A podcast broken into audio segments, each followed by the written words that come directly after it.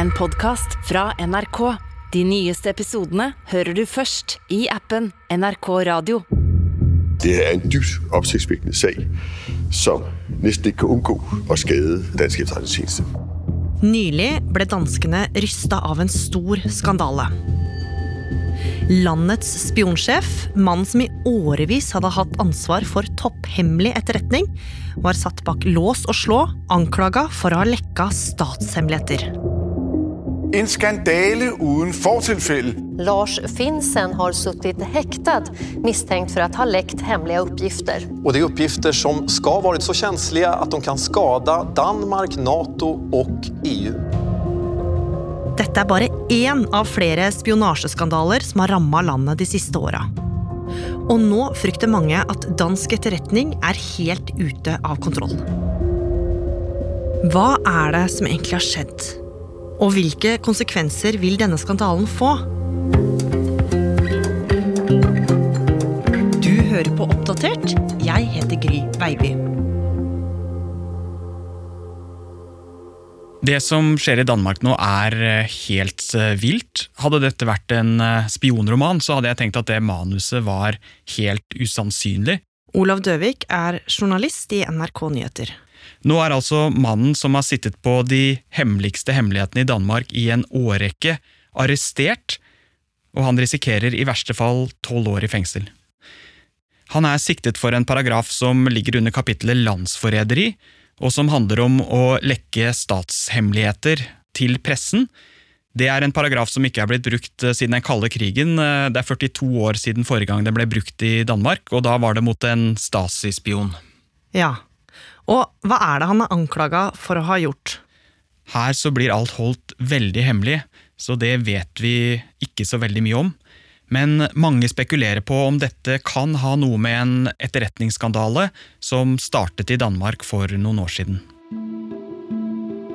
For i eh, 2019 ble Etterretningstilsynet, altså et slags organ som har i oppgave å følge med på at etterretningstjenestene i Danmark ikke gjør noe gærent, kontakta av en ansatt som hadde noe utrolig å fortelle dem.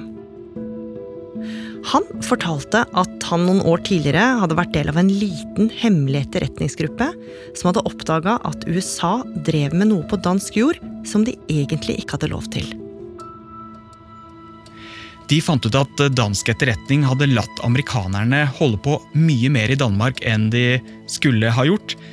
For eh, i samarbeid med amerikanerne så tappa dansk etterretning internettrafikken som gikk gjennom Danmark. Og det viste seg at amerikanerne hadde brukt det samme systemet til å spionere på politikere i nabolandene Norge, Sverige og Tyskland, men også kanskje på danske statsborgere. Ja. Og det at en alliert skal ha spionert på en annen alliert, det er jo et alvorlig tillitsbrudd. Men i stedet for å informere noen andre om det her, så hadde etterretningsgruppa lagt alt de hadde funnet ut av, i en skuff. Og der skal denne spionasjehemmeligheten ha ligget i rundt tre år, før varsleren nå bestemte seg for å fortelle dette tilsynet om det. Og da de hørte dette, Olav, så bestemte de seg for å starte en etterforskning av Etterretningstjenesten. For de måtte jo finne ut av hvorfor dette hadde blitt holdt skjult. Ja, og da begynte de å undersøke det, og de visste jo at noen visste dette og må ha holdt det tilbake. Og da begynte de å ha møter med toppledelsen i Forsvarets etterretningstjeneste, og vi vet at de hadde flere møter med spesielt én mann, spionsjefen sjøl, Lars Finsen. Vår tre kan man sige, hovedprioriteter det er terrorisme, og så er det Rusland, og det er cybertruslen. Og hvor den, den sidste øh, også er, kan man sige, er i, i en voldsom udvikling i det her år her. Og hvem er det? Han er selve gullgutten i dansk etterretning, og den eneste som har vært sjef for begge de hemmelige tjenestene i Danmark. Først så tok han over som sjef for eh, Politiets etterretningstjeneste, som tilsvarer PST i Norge. Og så tok han over som sjef for Forsvarets etterretningstjeneste, som vi enkelt kan si driver med spionasje i utlandet fra Danmark. Og fordi han har hatt disse jobbene, så har han gjennom 20 år sittet i regjeringens sikkerhetsutvalg i Danmark, som da behandler de mest sensitive og hemmelige sakene i landet. Ja, så var det noen som visste alt om eh, Danmarks hemmeligheter, så var det han. Ja, og en som kanskje var veldig god til å holde på hemmeligheter også. Men det var kanskje det som blei litt problemet her, da. Ja, for i august 2020 så var tilsynet ferdig med etterforskninga si, og konklusjonen den var klar. Og like etterpå så dukka det opp en nokså underlig beskjed på Etterretningstjenestens eh, nettsider. Ja, de sendte ut en veldig uvanlig pressemelding der de skrev rett ut at uh, Lars Finsen og flere andre i toppledelsen i Etterretningstjenesten ikke hadde snakka sant til dem. Det førte til at disse personene umiddelbart måtte fratre sine stillinger. Men det de ikke skrev noe om, var hva de egentlig hadde løyet om. Folk som så denne underlige pressemeldingen, ble jo veldig nysgjerrige. Og ikke lenge etterpå starta ballen å rulle. Men det vi jo ved i hvert fall, det er at tilsynet ble opprettet i 2014, og jo nettopp opprettet for å føre tilsyn med både PET, men altså Forsvarets efterretningstjeneste. Hvor, hvordan vil du så karakterisere det? Altså, det her det ser ret alvorligt ud, hvis du spør meg. Og nå begynte folk å spekulere på hva det var Finsen og de andre topplederne egentlig hadde gjort, for det sa jo ikke pressemeldinga noe om. Så mediene i Danmark de tok saken i egne hender. Både Danmarks Radio og også flere aviser fikk etter hvert tak i flere kilder på innsida av Etterretningstjenesten som var villig til å snakke. Og da begynte avsløringene å komme. USA spionerte på norske politikere gjennom et overvåkningssamarbeid med Danmark. Det sier flere anonyme kilder til Danmarks Radio. European leaders are piling pressure on the US and Denmark to explain allegations that they worked together to spy on top European officials. The NSA is not commenting on this, but White House Deputy Press Secretary Karine Jean Pierre, she said, We will work with our European allies and partners to address any questions through appropriate national security channels. Og etter hvert så dukka det opp flere og flere saker i danske medier med helt anonyme kilder, som fortalte at dansk etterretning og amerikanerne da hadde hatt et hemmelig samarbeid, og at amerikanerne via Danmark hadde spionert på vennene sine i Norge, Sverige, Tyskland og Frankrike. Blant annet så skal de ha avlyttet mobilen til forbundskansler Angela Merkel i Tyskland. Og det kom da nye drypp hele tiden om eh, alt amerikanerne skulle ha gjort. Og dette her skapte jo stor oppstandelse. For ikke bare likte danskene det dårlig at uh, de kanskje hadde blitt spionert på, men også Danmarks allierte begynte nå å frykte for egen nasjonal sikkerhet. Ja, og det kom veldig sterke reaksjoner fra politikerne i disse landene, naturlig nok, fordi f.eks. For Norge og Danmark har jo et veldig tett forhold, og USA er jo en av våre nærmeste allierte, så hvorfor skal man spionere på venner? Og hvordan kan man da stole på hverandre, hvis det skjer? så det satte i gang en enorm diskusjon om hva man nå skulle gjøre.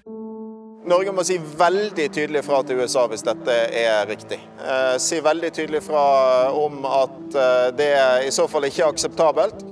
Det kan brukes til å påvirke norske interesser. Det kan brukes eh, på en måte som ikke vil gagne oss, da. Problemet var jo at alt dette var basert på anonyme kilder, og danske myndigheter likte også veldig dårlig at dette kom ut på den måten. Det her er jo en sak vi ser på med meget, meget stor alvor fra regeringens side. Det siger seg selv at en, en efterretningstjeneste skal arbeide innenfor lovens rammer.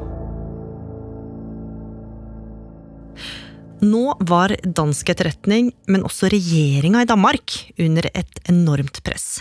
For med hver avsløring som kom, risikerte danskene at forholdet til deres allierte ble skjørere og skjørere. Så nå, Olav, bestemte regjeringa seg for å ta grep. Ja, de satte ned en kommisjon som da skulle finne ut hva er det egentlig som har skjedd her. Og det ble også svaret da til eh, nabolandene at eh, ja, vi må vente, eh, nå skal vi finne ut hva som har skjedd, og dere skal få beskjed. Men samtidig starta det også noe annet. Politiets etterretningstjeneste, altså tilsvarende PST i Norge, starta en hemmelig etterforskning for å finne ut hvor kommer alle disse lekkasjene fra. For de må jo komme fra innsiden. Det må jo være noen som vet om disse hemmelighetene, som forteller dette til journalistene. Og da peila de seg inn på blant andre Lars Finsen, som eh, var deres tidligere sjef. Altså den midlertidig avsatte etterretningssjefen. og flere andre tidligere og nåværende ansatte i etterretningstjenestene i Danmark. Og de starta å overvåke de, blant annet så ble mobilen til Finsen avlytta. Mm. Men det var jo ikke bare dette etterretningstjenesten gjorde for å prøve å stoppe avsløringene som herja i media. Nå begynte de også å peile seg inn på journalistene som hadde publisert disse lekkasjene. Ja, og i høst så begynte Danmarks Radio blant annet, eh, og flere andre mediehus i Danmark å få rare besøk av sikkerhetstjenesten. Redaktørene fikk eh, i disse møtene beskjed om ganske rett ut at eh, hvis dere trykker og forteller om statshemmeligheter, så risikerer dere opptil tolv år i fengsel. Og det er jo en ganske dårlig fordekt eh, trussel. Etter hvert så begynte også journalister å bli kalt inn til politiavhør, der de ble spurt ut om hvem som var kildene deres. Det er jo noe journalister aldri vil røpe, for kildevernet er jo absolutt. Ja. Så det at sikkerhetstjenesten holdt på sånn, det var jo problematisk. Ja. Problemet med at man setter i gang en sånn kildejakt, er jo at eh, journalistene da kanskje slutter å gjøre jobben sin, og at man kanskje skremmer bort fremtidige varslere som har viktige ting å fortelle om de hemmelige tjenestene og ting de gjør som kanskje ikke er helt riktig. Men mens sikkerhetstjenesten holdt på med dette her, så skjedde det noe som potensielt kunne reinvaske Lars Finsen og resten av etterretningstjenesten i Danmark. Ja, for da var denne kommisjonen som var satt ned, ferdig med sine undersøkelser, og de konkluderte med at eh, nei, her har ikke etterretningstjenesten gjort noe galt. De har ikke drevet med noen overvåking eller spionasje av danske statsborgere, så de som er midlertidig permittert fra jobbene sine, kan bare komme tilbake til dem. Det de ikke svarte på, var hva som har skjedd av spionasje mot uh, politikere i nabolandene. Det hadde de tydeligvis ikke gått inn på i det hele tatt. Likevel så var det mange nå som kanskje håpa på at denne skandalen som hadde prega landet i ett og et halvt år, endelig var over. Men så, 9. desember 2021, dukka det opp enda en snodig pressemelding på Etterretningstjenestens side som skulle få folk til å klø seg i hodet. Ja. Da skrev PET, altså Politiets etterretningstjeneste, at de hadde pågrepet fire nåværende eller tidligere ansatte i etterretningstjenesten i Danmark. At disse var varetektsfengsla, og at hjemmene deres var ransaka. Og at de var mistenkt for å ha lekket statshemmeligheter til pressen. Men de ville ikke si hvem disse personene var. Og det nedla også domstolen i Danmark et forbud mot å fortelle. Ja. Men spekulasjonene de var allikevel mange. I over én måned lurte alle på hvem dette kunne være. Og 10. januar i år så skjedde det noe som gjorde at man endelig skulle få svaret. Da var det nemlig klart for et fengslingsmøte. I en rettssal i København hadde flere spente journalister møtt opp for å få med seg det som nå skulle skje. Og rett før retten ble satt, skjedde det noe. En kortklipt mann i mørk dress og lyseblå skjorte kom inn i salen. I den lille pausen før dommeren starta saken, snudde mannen seg mot pressen. Og det er Lars Finsen. Han sier at han er helt uskyldig, og at han ønsker mest mulig offentlighet rundt hva han er sikta for. Like etterpå pryder Lars Finsen forsider over hele verden. Chefen for den militære underrettelsetjenesten, Lars Finsen, har sittet hemmelig hektet i en måned, mistenkt for å ha lekt hemmelige hemliga uppgifter. European leaders are piling pressure on the U.S. and Denmark to explain allegations that they worked together to spy on top European officials. Reaksjonene var jo voldsomme. Dette er jo veldig spektakulært. Etterretningssjefen sitter arrestert eh, for å ha lekka opplysninger. Folk lurte på hvorfor skulle han gjort det. Man vet ikke hva slags opplysninger han eventuelt skal ha lekka. Og det er jo litt vanskelig å forstå også hvorfor akkurat han skulle være interessert i å lekke opplysninger som egentlig bare rammer han sjøl og det han har vært sjef for. Så dette fikk veldig mye oppmerksomhet, eh, både i Danmark, men også i andre land. Mm. Men fortsatt så vet man jo ikke nøyaktig hva myndighetene mener at han skal ha lekka, for alt foregår jo bak lukkede dører. Og nå har det også skjedd noe annet i saken, nemlig at tidligere forsvarsminister Klaus Hjort Fredriksen også er sikta for å ha lekka statshemmeligheter. Og Olav, du sa jo at dette her høres ut som en usannsynlig spionroman. Altså, det overgår nesten virkeligheten. Og det gjør det jo også kanskje på en måte, for det her har jo faktisk aldri skjedd i Vesten før. Altså at en etterretningssjef blir sikta for noe så alvorlig. Og det mange nå spør seg om, er jo hvor skadelig dette egentlig er for Danmark.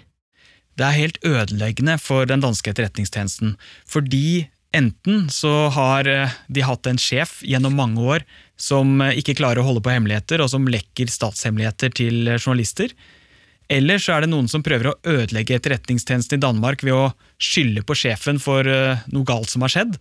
Og uansett hvilke av de som er riktig, om han er skyldig eller uskyldig, så er det mange som mener at uh, nå kan man ikke, som et annet lands etterretningstjeneste, lenger stole på den danske etterretningstjenesten.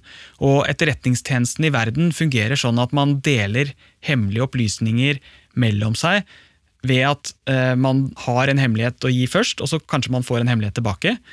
Men hvis man ikke kan stole på at den uh, hemmeligheten blir holdt hemmelig, så risikerer de nå at den informasjonen stopper helt opp.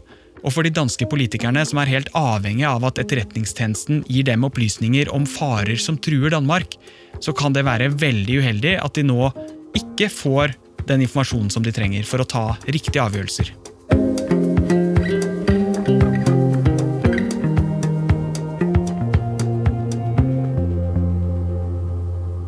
Oppdatert er en podkast fra NRK Nyheter. Og denne episoden er laga av Ina Swan, Pål Gauslo Sivertsen, Andreas Berge og meg, Gry Veiby. Programredaktør er Knut Magnus Berge. I denne episoden så har du hørt lyd fra Danmarks Radio, Sveriges Televisjon, Politiken, Dansk TV 2 og NBC. Og har du lyst til å kontakte oss, så send oss gjerne en e-post til oppdatert krøllalfa nrk.no. Og du, hvis du liker det du hører, tips gjerne en venn om oss. Operasangeren Kirsten Flagstad ble kalt århundrets stemme. Verdensstjernen ble uthengt som nazisympatisør og forfulgt av den norske stat. Hun måtte kjempe seg tilbake med bare stemmen som våpen. Bli bedre kjent med historiens største personligheter i ny podkast. Mahatma Gandhi var advokaten som ble fredsapostel. Han førte en iherdig kamp mot rasisme og for et samla, uavhengig India. Coca Chanel var en kvinne som spilte med de kortene hun hadde for hånden. Hør historien om den fattige barnehjemsjenta som slo seg opp og ble en av verdens mest kjente moteskapere. Historiske kjendiser hører du først i appen NRK Radio.